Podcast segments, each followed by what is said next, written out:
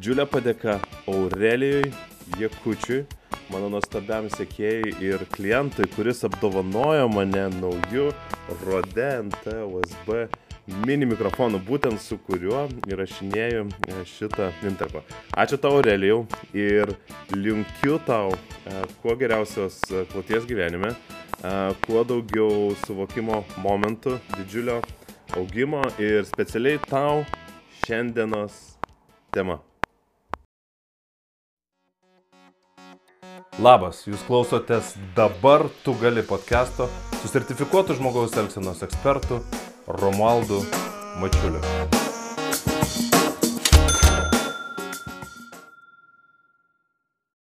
Anglijoje yra toks šou vadinasi Britain's Got Talent.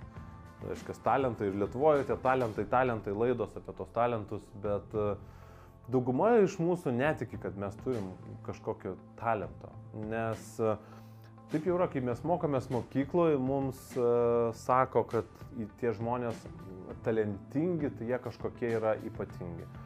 Vat e, Mozartas buvo talentingas, Bethovenas, ar Van Gogas, arba ten talentingas Karvedys buvo Napoleonas.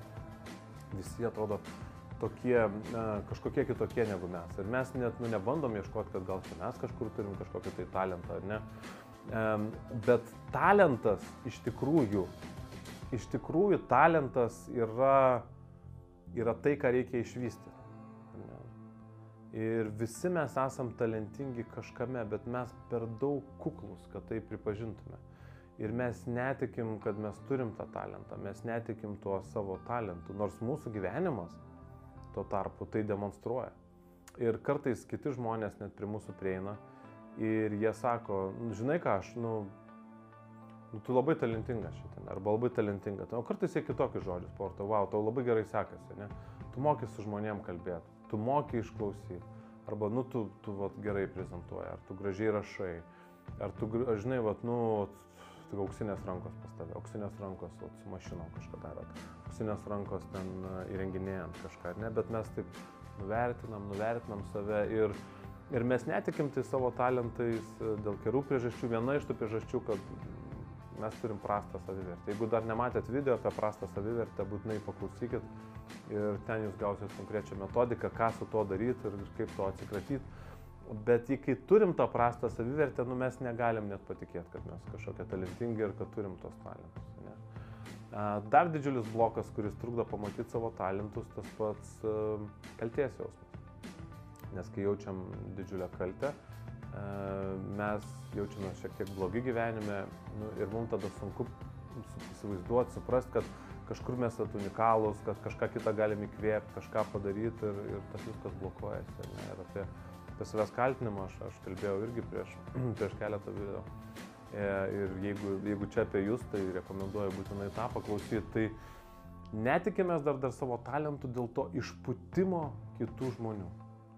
Mes juos vainikuojam. At Mozartas, Napoleonas, čia prezidentas šalies, ne, kažkoks, čia dar kažkas. Ir tada kuo labiau mes kitus aukštinam automatiškai, nepripažindami to genialumo savyje, E, mes neleidžiam tam savo talentui atsiskleisti, nes kad jisai atsiskleistų, reikia įdėti labai labai daug darbo ir, ir su tuo kažką daryti. Aš, pavyzdžiui, baigiau muzikos mokyklą, bet patikėkit, čia buvo 7 ar 8 metai, nu, nu, tikrai darbo, darbo, ne? Ir po to tik tais paskutiniais metais apdovanojimai, kažkokie ten laureatų tapau, ten konkurso kažkokio ir taip toliau, ir laikraštį parašė ir taip toliau. Bet tai buvo darbas, darbas, darbas. Šiaip, nu, pasakyti žmogui, tu tiesiog talentingas, čia gali net kaip įžeidimas būti, nes, nes mes visuomenė liktais galvojam, kad tas talentas gimsti ir viskas, ne, nors tai yra kažkas, su kuo reikia dirbti.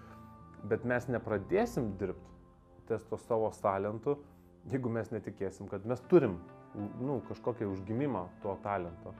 Ir tai neleidžia, va, viena iš priežasčių tikrai tų kitų žmonių, kurio mes laikom talentingais, aukštinimas. Ir jeigu norit savyje atrasti tą talentą, tai numeris vienas uždavinys išsiaiškinti savo unikalią vertybių sistemą. Nes ten, kur yra jūsų vertybės, ten bus paslėpti jūsų talentai. Tas, kas yra svarbiausia pirmoje vietoje, galbūt antroje, trečioje vietoje, tenais yra paslėpti visi jūsų talentai, kurių jūs nepripažįstat ir nevystot. Tai nustatykit savo vertybių sistemą tam, kad savo tą unikalų talentą atrasti ir užgimimą.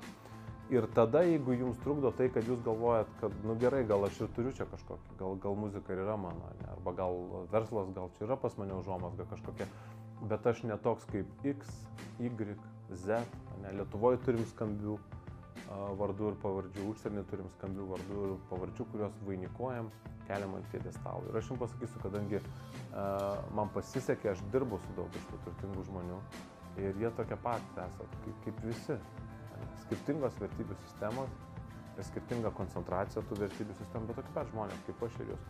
Tiek pat turi problemų ir aš jums garantuoju, jeigu pasiūlytų apsikeisti vietom, kur jūs gaunat viską, kas jūs žavi, bet ir viską, kas jūs nežavi, visi liktumėt prie savo. Ir aš likčiau prie savo irgi su nieko vietom nesikeistų. Žinau, kad su manim niekas gyvenimo irgi nesikeistų, jeigu matytų visus užkulisius ir visus sunkumus, kuriuos reikia praeiti einant tuo keliu. Bet jeigu yra žmonės, kurie labai stipriai imponuoja ir kurie sutampa su jūsų vertybėm, bet jūs galvojat, kad jūs esat jų šešėlė ir niekada negalėsit tiek pasiekti, aš rekomenduočiau paimti vieną gal, vieną ar du žmonės, kurie labiausiai, labiausiai jūs žavi.